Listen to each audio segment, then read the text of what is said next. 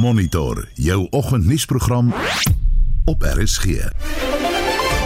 In vanoggend se program vyf provinsiale gesondheidsdepartemente kry hofbevele teen stakende werkers. So if you don't go to work, you will not be paid. And if you protest, you must protest very, very peacefully. And we will not allow the lives of our people to be put in danger. Die Kaapse Metro gaan bome verwyder wat met die stompkop kewer besmet is en opposisiepartye in Turkye snoer kragte saam om die regerende partye in die komende verkiesing te onsetel. Welkom by Monitor vanoggend onder redaksie van Jan Estreisen, Johan Pieterse is ons produksieregisseur en ek is Oudo Karelse.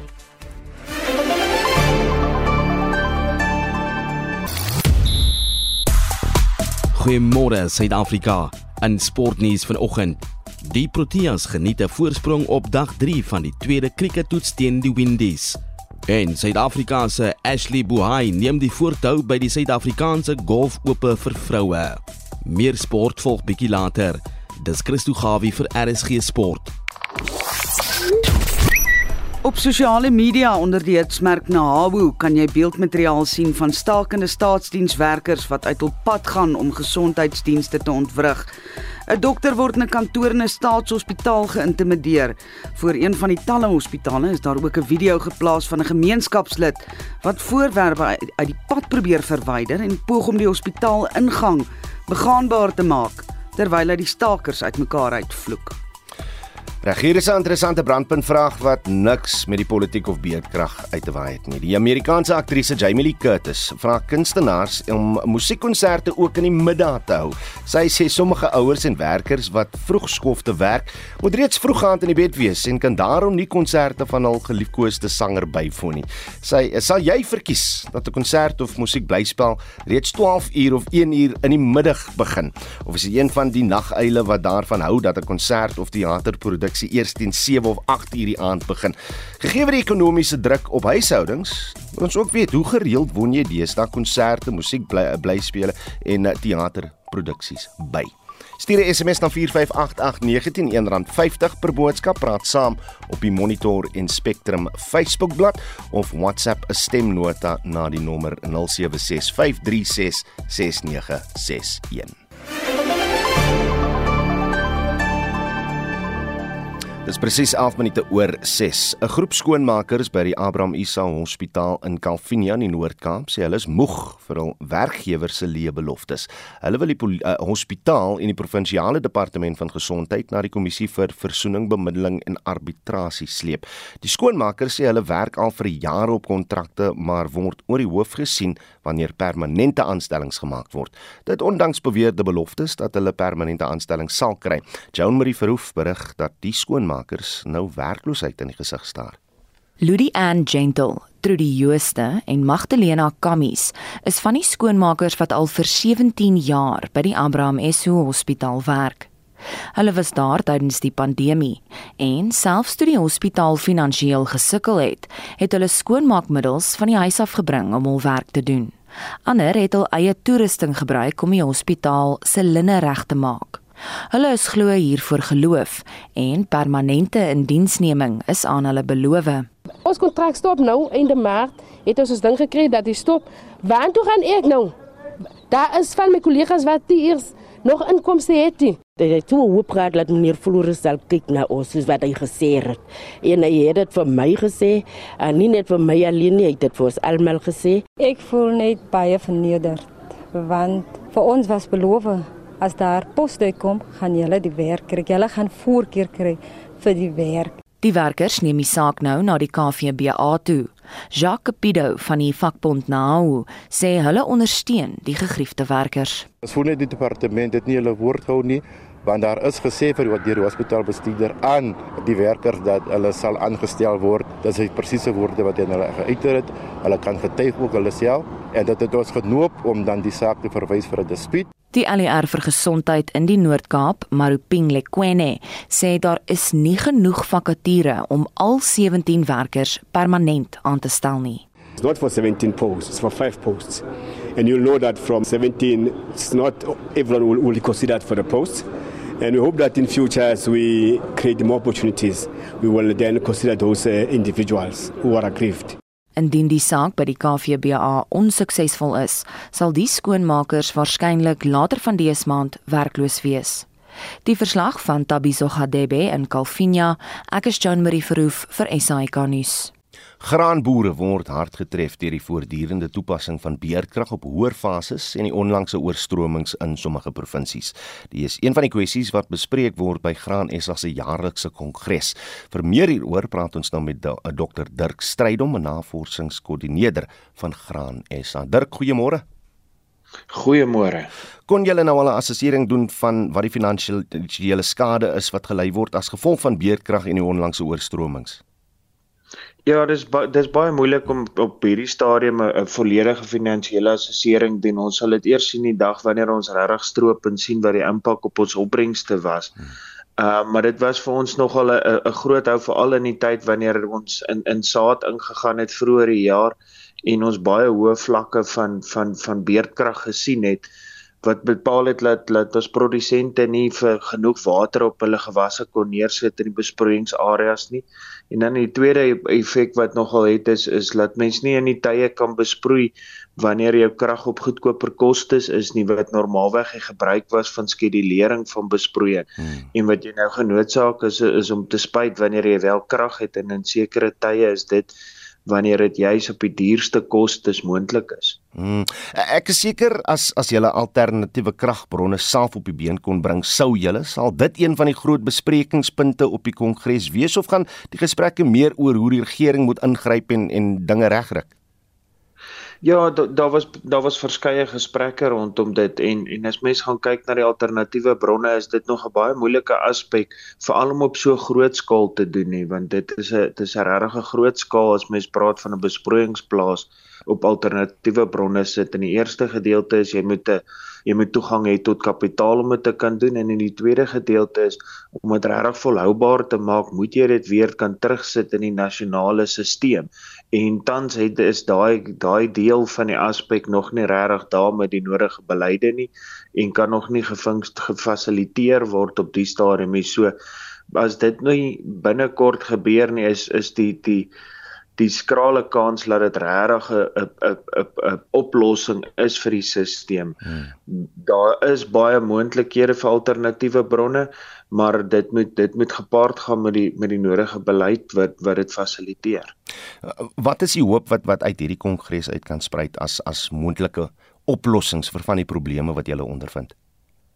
Ek dink wat wat lekker altyd is is is graanprodusente maak altyd 'n plan. Nee. Ons het nie hmm. elke jaar dieselfde weer nie. Ons het ons het elke jaar nuwe uitdagings en en ons maak planne en probeer altyd nuwe gedagtes, nuwe idees bymekaar kry, nuwe maniere om die stelsel te bestuur nê. Nee. Ek dink dis die dis die positiewe kant wat wat die vir die graanprodusent altyd innoverend was nê. Nee.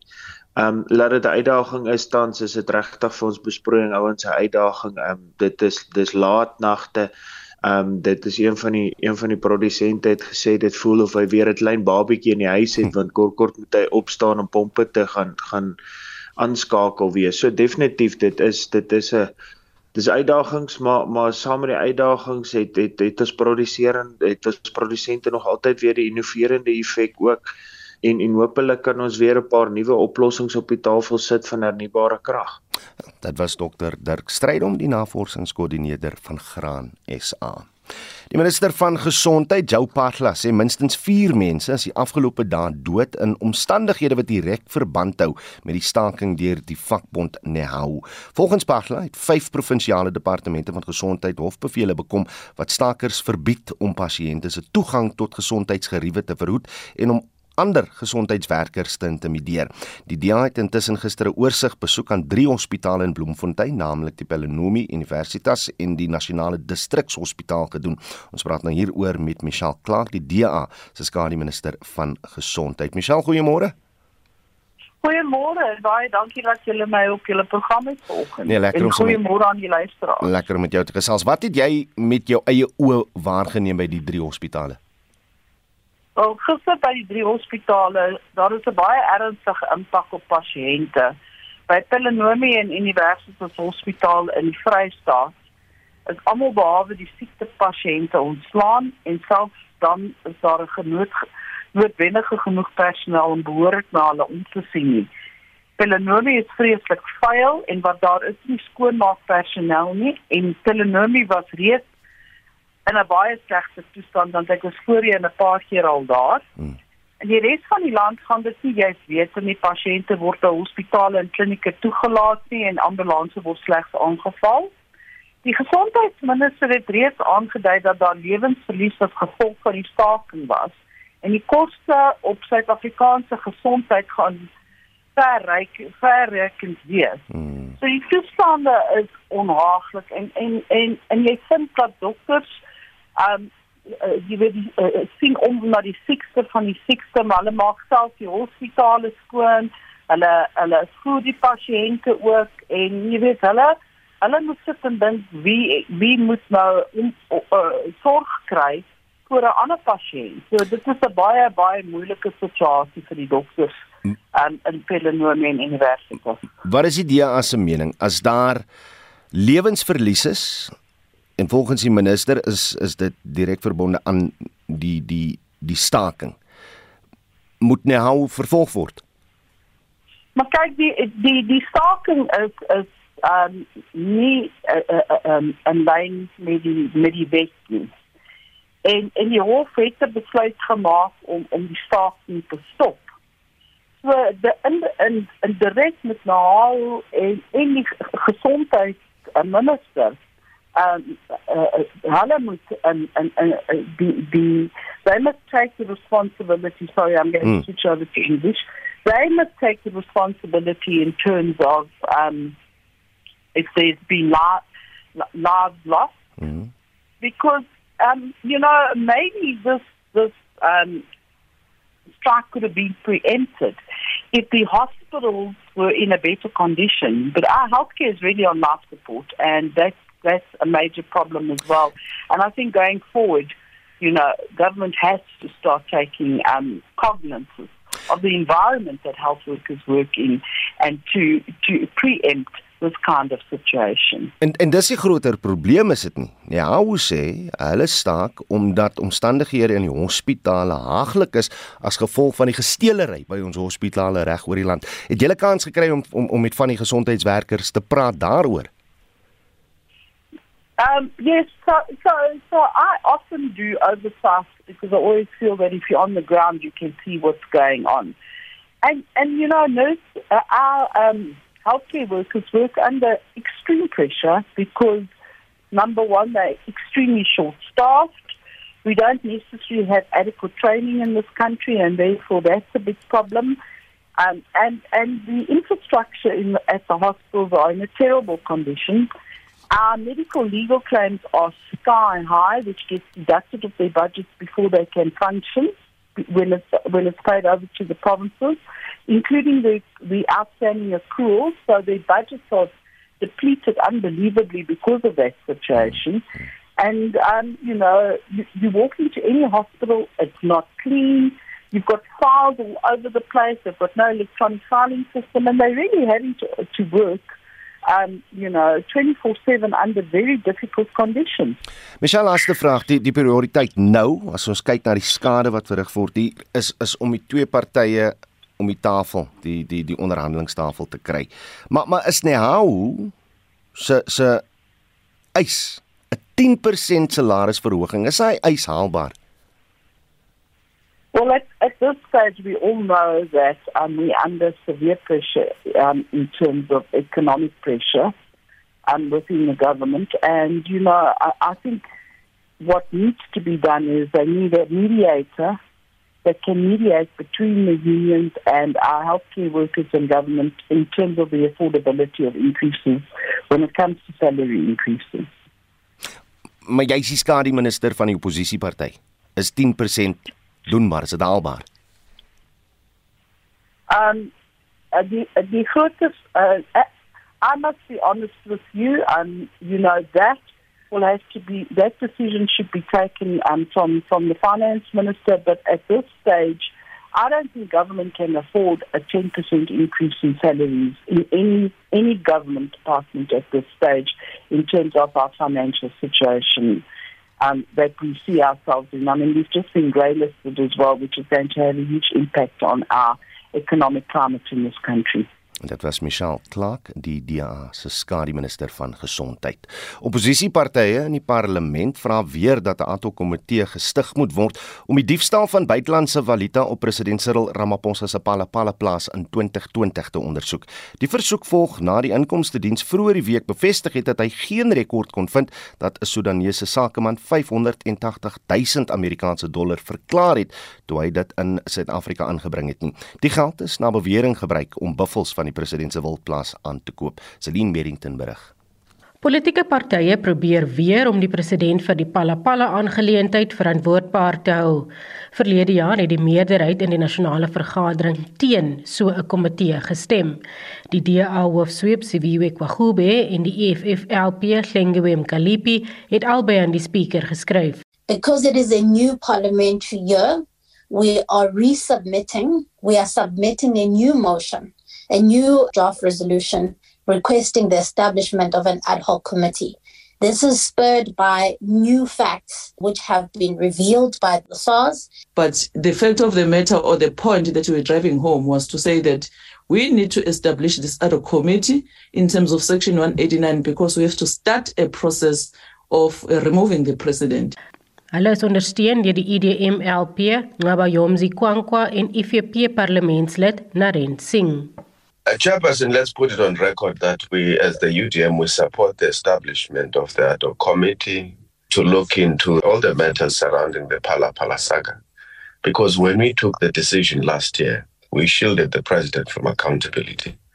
We protected and prevented him the very same institution that elected him into office which is wrong. We need to correct that. Honorable Speaker, we would support any move to ensure oversight over the executive, including oversight over the president.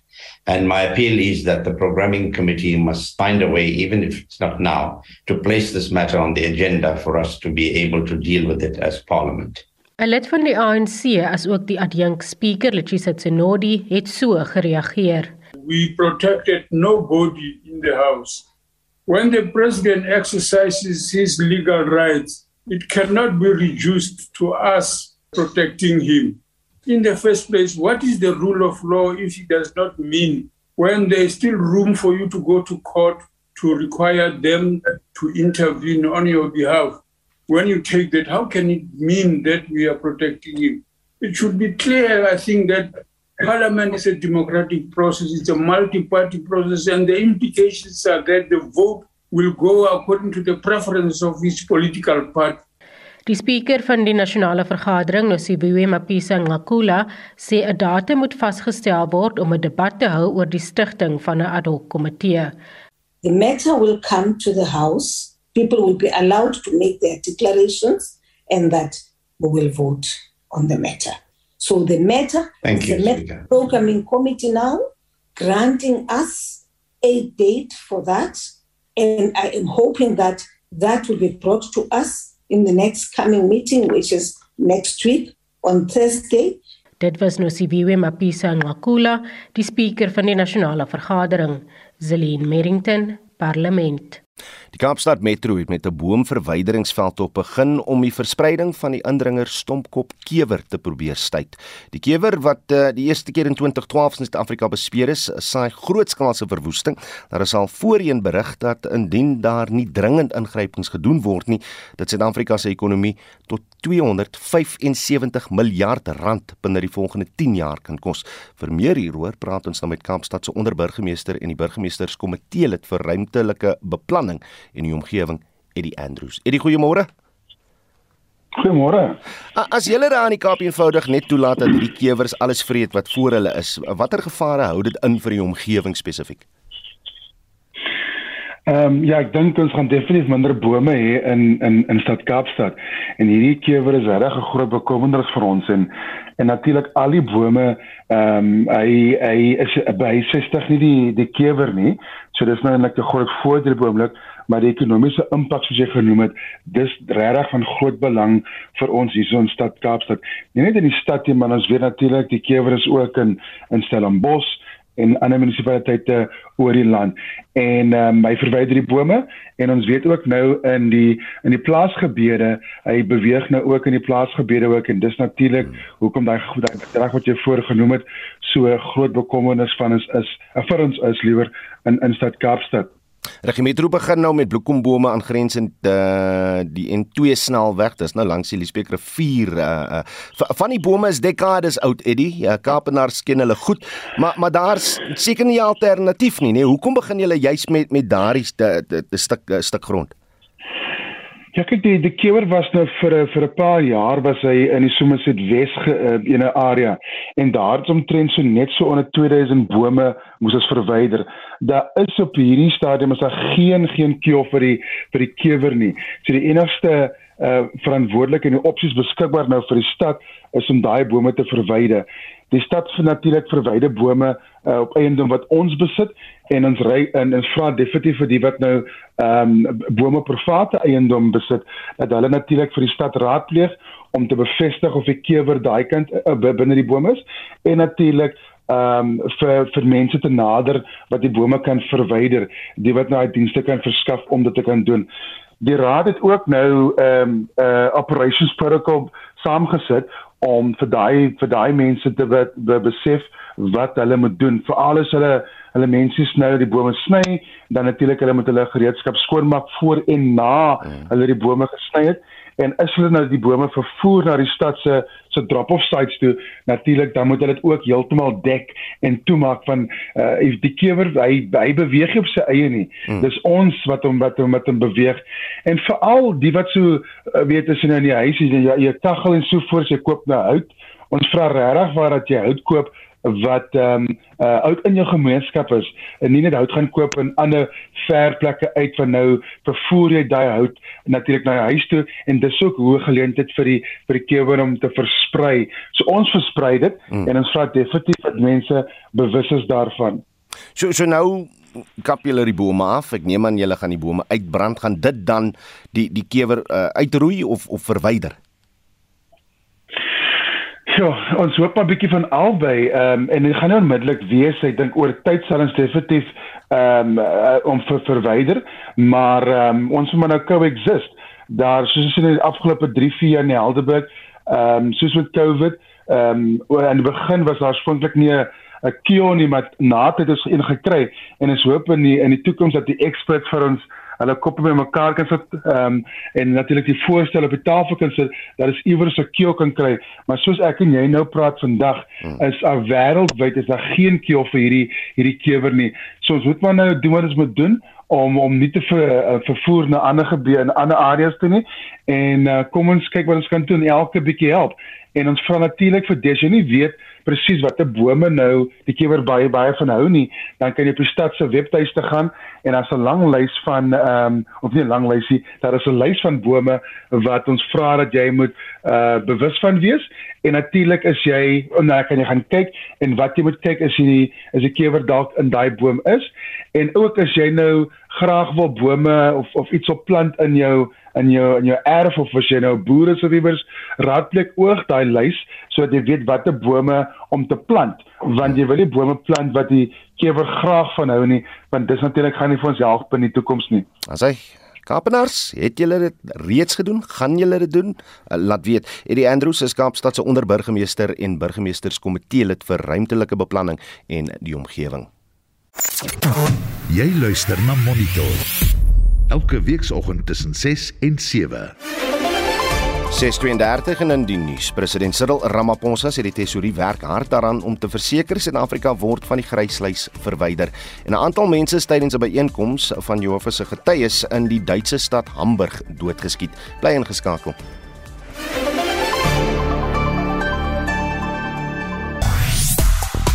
Die Amerikaanse aktrise Jamie Lee Curtis vra kunstenaars en musiekkonserte of, of liewer dat uh, kunstenaars en musiekkonserte in die middag gehou word. Sy sê sommige ouers en werkers wat vroegskofte werk moet reeds vroeg aand in die bed wees en uh, kan daarom nie konserte van 'n geliefkoeste uh, sanger bywoon nie. Sy sal verkies dat 'n uh, konsert of musiekblyspel reeds 12:00 of 1:00 in die middag begin. Stem mee saam. Of is jy een van die naguile wat daarvan hou om laat na 'n konsert te gaan kyk?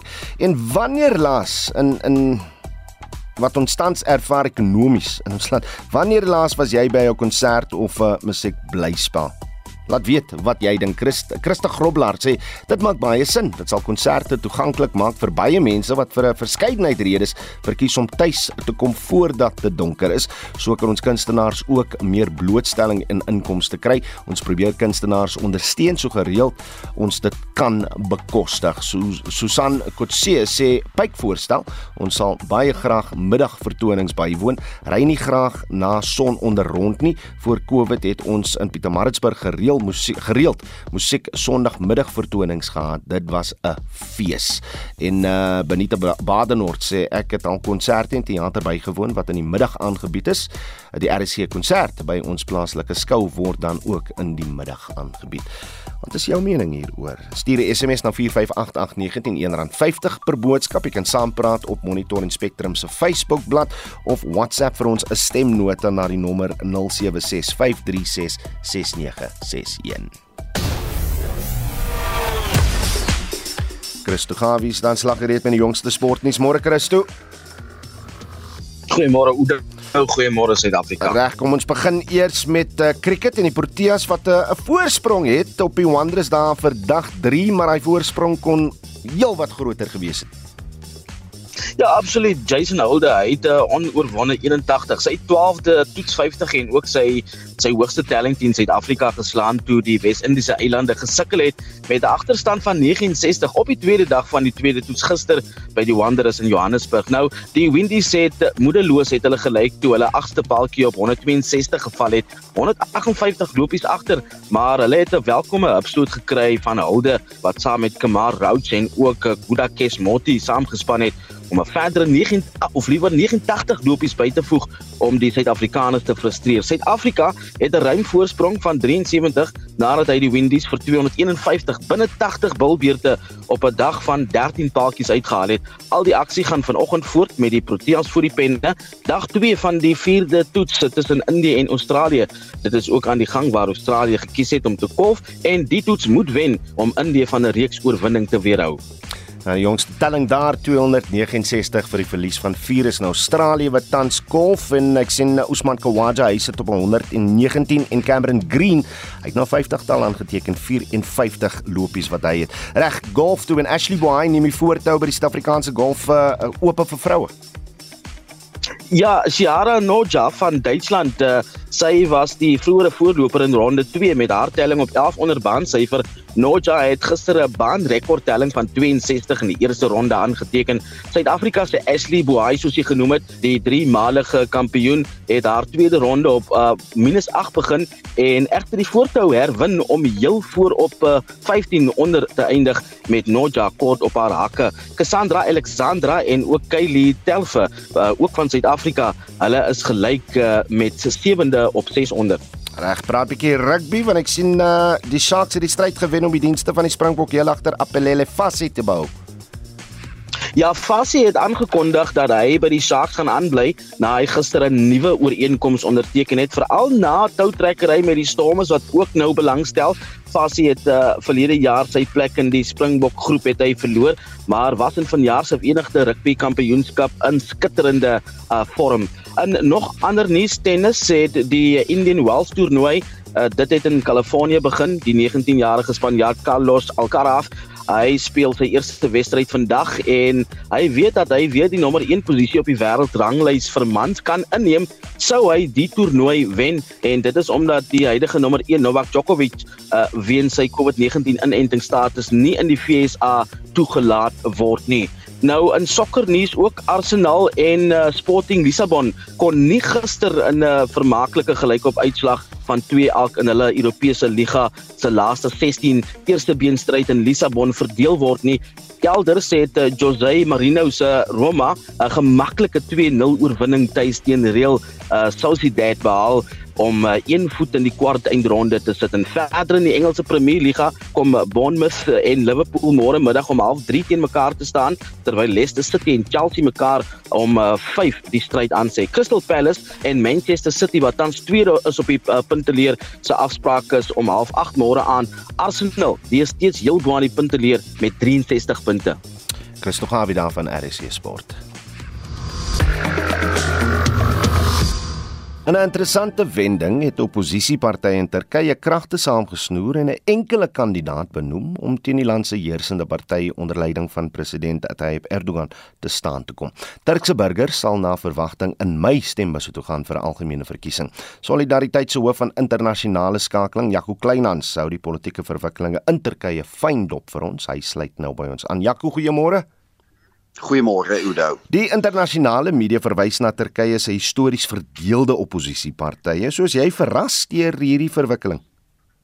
Eh, absoluut so Udo, ek dink dit is 'n groot verrassing. Daar was verskeie pogings die afgelope paar jaar uh om oppositiepartye bymekaar te kry.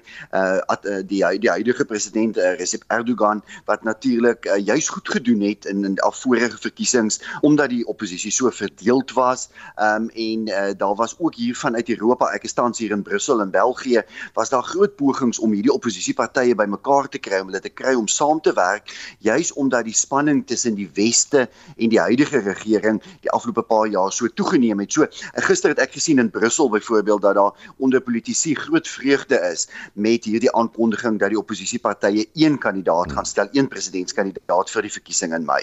So wie is hierdie man? Wie is hierdie persoon wat al die oppositiepartye so bymekaar bring? Hierdie Kemal Kılıçdaroğlu.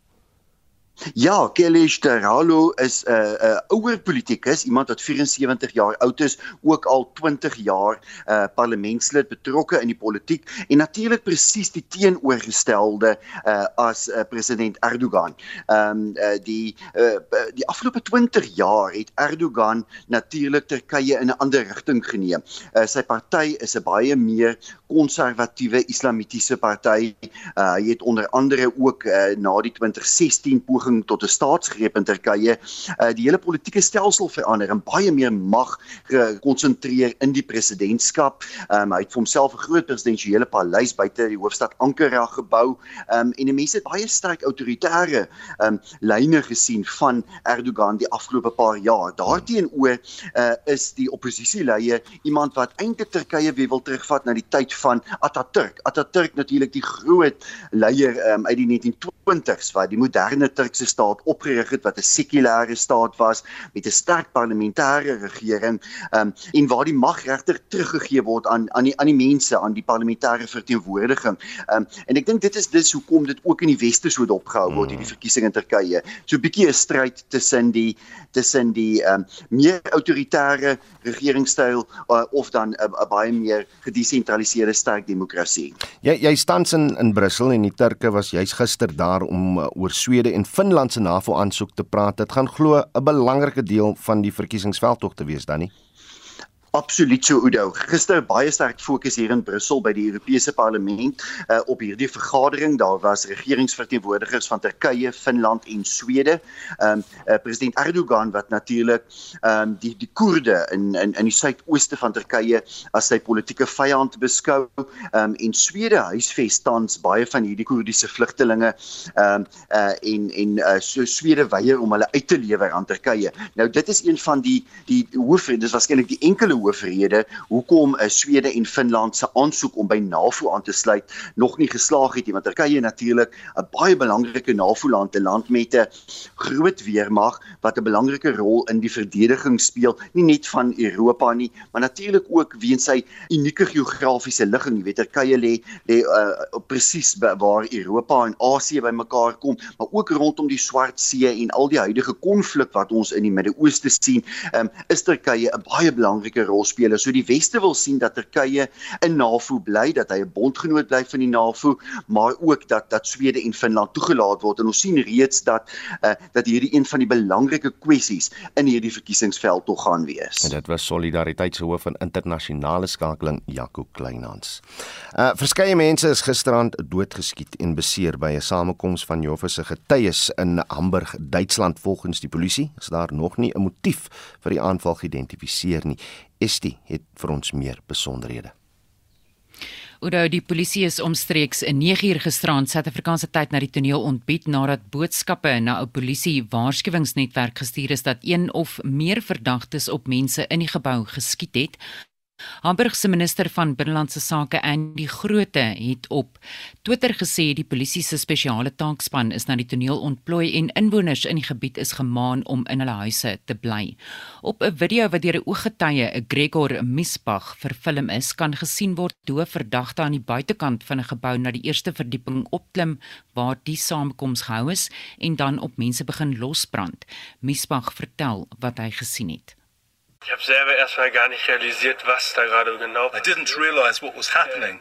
I was filming with my phone and only realized through the Zoom that someone was shooting at the Jehovah's Witnesses. Then I realized what was going on there. Nou die polisie het aanvanklik vermoed die aanvaller het van die toneel af gevlug, maar die polisie ondersoek nou die moontlikheid dat die verdagte op die toneel doodgeskiet is, sê Holger Weeren van die polisie in Hamburg. The officers also heard a shot from the upper part of the building and went upstairs, where they also found a body. So far, we have no indications that any perpetrators fled. En vas Holger weer in van die Hamburg polisie. Nou verskuif ons die fokus na Oekraïne waar ten minste 9 mense dood is in die mees verwoestende missielaanvalle in maande. Uh dit het vir 'n tyd lank die kragtoevoer na die Zaporizhzhia kernkragaanleg afgesny, hoewel dit later is die herstel is. Is reg Oudo en gedurende die tyd dat die kragtoevoer afgesny was, is dieselkragopwekkers gebruik om kernkragmateriaal te verkoel. En die Verenigde Nasies se kernkragwaghond, die internasionale atoomenergieagentskap, het gewaarsku dat dit op 'n ramp sal uitloop. Hier is die direkteur-generaal Rafael Grossi. Each time we are rolling a dice. And if we allow this to continue time after time, then one day our luck will run out. In Lviv in die weste van Oekraïne is huise platgevee deur missiele wat afgevuur is en 5 mense is dood. In 'n woonbuurt in die noordwestelike gebied van Kiev is talle voertuie beskadig deur skrapnel en afvalstukke van 'n Russiese hommeltuig wat uit die lug deur Oekraïne afgeskiet is. Twee mense is beseer en na die hospitaal geneem. Inwoners vertel wat hulle gesien het en hoe moedeloos hulle is. There was an explosion in the sky. I saw smoke and fire. Cars were set on fire.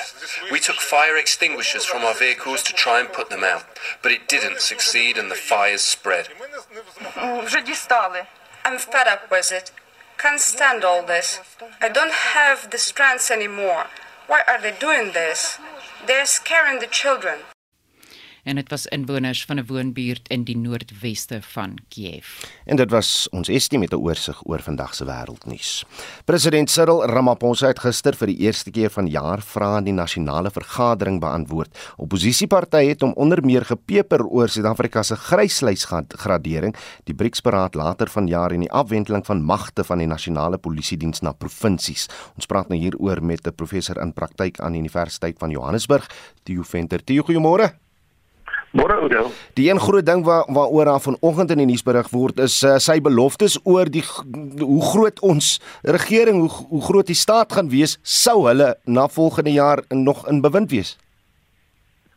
Ja, daar was ses formele vrae um, in die kabinet, ag nee, in die parlement en dan 'n aantal aanvullende vrae wat natuurlik nou uh vooraf um, uitgeklaar word. Die president weet ons is nie 'n lid van die parlement nie. Hy um, word uitgenooi om van tyd tot tyd vrae te beantwoord. Uh in in die laaste week het ons gesien dat ons 'n nuwe adjunkpresident gekry het en interessant genoeg, hy is die hoof van regeringsbesigheid in die parlement, maar so moet die president dan elke nou en dan vrae beantwoord. En dit is so, hy het um, met sy inhuldiging in 2018 baie plegtig onderneem om uh, die kabinet kleiner te maak. Hy het toe daarop gereageer deur die ministeries te verminder van 36 na so 28 toe. Maar die adjunkministers het altyd baie gebly. Hy was om en by 36. Hulle was op die stadium 42. En ehm um, toe nou met sy kabinetswysiging wat nou uiteindelik ehm um, plaasgevind het ehm um, aan die einde van verlede week, begin van hierdie week eintlik, het ehm um, het hy nou weer die kabinet vergroot van 28 na 30 toe en daaroor het die het die oppositiepartye baie vrae gevra ja. en ook 'n dokument ehm um, na vore gebring wat eintlik die president onder oë gehad het wat vir hom gesê het hoe moet hy die kabinet kleiner maak. Daar is sprake daarvan dat vir 'n tipiese land soos Suid-Afrika met ons omvang en ons ekonomie kan ons doen met 22 ministers, miskien 24 ministers, maar 30 ministers en en die koste verbonde aan die ministeries is natuurlik iets wat die oppositiepartye baie baie ehm um, um, sterk uitbuit. Hmm. Wat, wat ons gryslys status betref, het die president erken dis 'n groot bron van kommer op 'n vraag daaroor het hy gesê dat Suid-Afrika sy uh, gryslys status gaan gebruik om voorspraak te maak dat ander Afrika lande wat ook op die lys is, moet uh, werk maak daarvan om van die lys verwyder te word. Dit is wat hy te sê gehad het. Our treasury team worked very hard to ensure that we reduce the number of concerns that had been raised, and we were able to almost eliminate all of them, bar I think five or six or seven. Now, those are being addressed, and we are hoping that we will be able to address them to a point where we will be removed from grey listing or what they call enhanced monitoring section. Wat hoe sê mense in Engels, when life throws you lemons make lemonade? Kyk, terwyl hy dit gesê het, sit ek toe en luister en ek uh, gedagtig aan die baie kritiek hmm. op sy leierskap die laaste tyd en uh, mense wat uh, allerlei aansprake maak oor is hy nog in beheer en as hy nie in beheer is nie wie is jy dink ek eintlik is self Ramaphosa 'n baie beter diplomaat as wat hy 'n leier is want daai was nou 'n diplomatisiese antwoord ja daar waar ons nou is op die kruislys is daar sekere valbome en sekere tydperke wat verstryk of moet verloop voordat jy weer herstel kan word. Dis nie asof ons oor 'n maand of 3 van die huishoudings afgehaal kan word nie. Ons praat van 2 na 3 jaar voor dit kan gebeur en dan in hierdie week het uh, Standard & Poor ons uh eh, uh eh, soewereine kredietgradering ook met een trappilaar gemaak. So as mens nou al daai hierdie na, na hierdie faktore bymekaar sit, dan het die president nou 'n baie mooi politieke korrekte antwoord gegee en eintlik niks gesê. Reg, is dit nog een ander kwessie. Dit blyk 'n uitgemaakte saak te wees dat as as enigiemand in Suid-Afrika die afwendeling van polisie magte wil sien, gaan die president dit teenstaan. Ongelukkig is dit so dat uh, eh, ANC beleid en en hulle steun baie sterk op wat ons konstitusionele voorskrifte is sê dat ons 'n sentrale polisie mag het. Geen van die kenmerke van ehm um, ontwikkelende lande is dat meeste van hierdie dienste word gesentraliseer of gesentraliseerd aangebied. Maar ek dink die Weskaap het 'n baie baie sterk punt en uh, sekere van die metros kan ook demonstreer dat die die afwendeling van mag na 'n laer vlak werk beter vir die polisie. Jy sal onthou dat toe uh, vorige polisiekommissarisse oorgeneem het, ehm um, uh, vir Levy dink ek byvoorbeeld aan, het hy sekere dinge toegemaak soos gespesialiseerde eenhede wat fokus op vee diefstal, goed wat wat ons sê regionaal belangrik is, maar nie landwyd op dieselfde manier voorkom nie. En dit is die voordeel daarvan as die polisie 'n klein bietjie gedereguleer en op laer vlakke ehm um, gehanteer word, maar uh, dit lyk vir my met Betty Cele as sy geliefde minister hmm. en die die die ANC beleid as sy rigsnoer wil die gaan die regering nie toegee op daai versoek nie. Die Venter is 'n professor in praktyk aan die Universiteit van Johannesburg. Baie dankie vir u tyd hier op Monitor. Nou die afgelope week was daar heelwat beriggewing oor diere in die media. Derhalwe praat ons dokter Willem Botha vanoggend oor seepertjie, ou koeie uit die sloot haal en ander verwysings na diere in die nuus. Dokter Botha is natuurlik die voormalige uitvoerende direkteur van die Woordeboek van die Afrikaanse taal. Môre Willem. Goeiemôre Oudo. Is dit vreemd dat daardie afgelope week so baie oor diere berig is in die media? Oudo, nee, nie eintlik nie. Die die mens is nou maar eenmaal geïnteresseerd in diere. Of dan nou ander diere, né? Beriggewing oor diere gaan veral oor bedreigde spesies, die mishandeling van diere, interessante interaksies tussen mense en diere en die interaksie tussen diere onderling. Daar's gevolglik berig oor die opgewondenheid oor 'n bedreigde Nysna seepertjie met eiers in die Keurboomsrivier monding. Daar word dus uitgesien na baba seepertjies. Die seepertjie is 'n klein seediertjie met 'n kop wat lyk soos die van 'n perd en die diertjie swem in 'n regop posisie, te koddig. Die vroulike seepertjie plaas die eiers in die mannetjie se broeisak waar die eiers dan bevrug word. Die gewyfie gebruik hiervoor 'n ovipositor of 'n leeboor. Ovipositor is 'n Latynse woord en ovi beteken eier en positor beteken deponeerder of plaaser. Nou ja, sommige diere het hulle dus nog nooit aan die tradisionele manlike en vroulike rolle gesteer nie. Berigte oor diere leen hulle ook dikwels tot die gebruik van gepaste diere-uitdrukkings.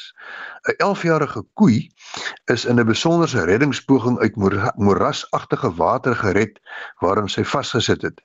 In die berig is daar speels gesê: "Soms moet 'n mens wel 'n ou koei uit die sloot grawe." Die uitdrukking beteken om ou gebeure of pynlike herinneringe op te diep. Ons kry die uitdrukking uit Nederlands en die herkoms daarvan is dat ou verdrinkte koeie soms uit die gragte gehaal is. Daar waar hulle al lankal is en uh, dis dinge wat 'n ou al van vergeet het. Na die reddingspoging van 5 uur was agter ons ook in die kraal of die kalf uiteindelik uit die put volgens die joernalis. Daar is ook berig oor 'n Stellenbosse professor wie se twee besonderse gespikkelde merries dou voor dag byna voete gekry het toe hulle aan 'n tou deur Stellenbosch se strate gelei is. Om voete te kry beteken om stilletjies te verdwyn.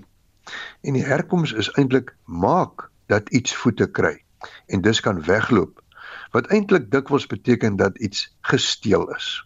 Baie interessant. Dit is Dr Willem Botha, hy is die voormalige hoofredakteur van die Woordeboek van die Afrikaanse taal. Sou jy 'n woord wou borg of koop, besoek www.wat.co.za of Google borgewoord. Elon Musk het aan 'n Twitter-werknemer verskoning gevra nadat hy hom afgedank het. Die werknemer is verlede jaar aangewys as IJsland se persoon van die jaar. Haraldur of Halli Torlefsen het Musk op die sosiale media platform gevra of hy dan nou afgedank is of nie. Hy is uit sy rekenaar gesluit. Twitter se menslike hulpbronne het nie vir hom antwoord gehad nie en Musk het ook nie sy e-posse beantwoord nie. Wat beskryf word as 'n toksiese bekgeveg het tussen die twee gevolg. Torliefsen word in IJsland as 'n held beskou. Hy is 'n gestremde en het 'n reeks veldtogte suksesvol van stapel gestuur om onder meer oproepe opritte by openbare geboue vir gestremdes aan te bring. Musk het ruk later verskoning getweet en gesê Torliefsen is nou gevra om aan te bly en hy neem dit onder oorweging.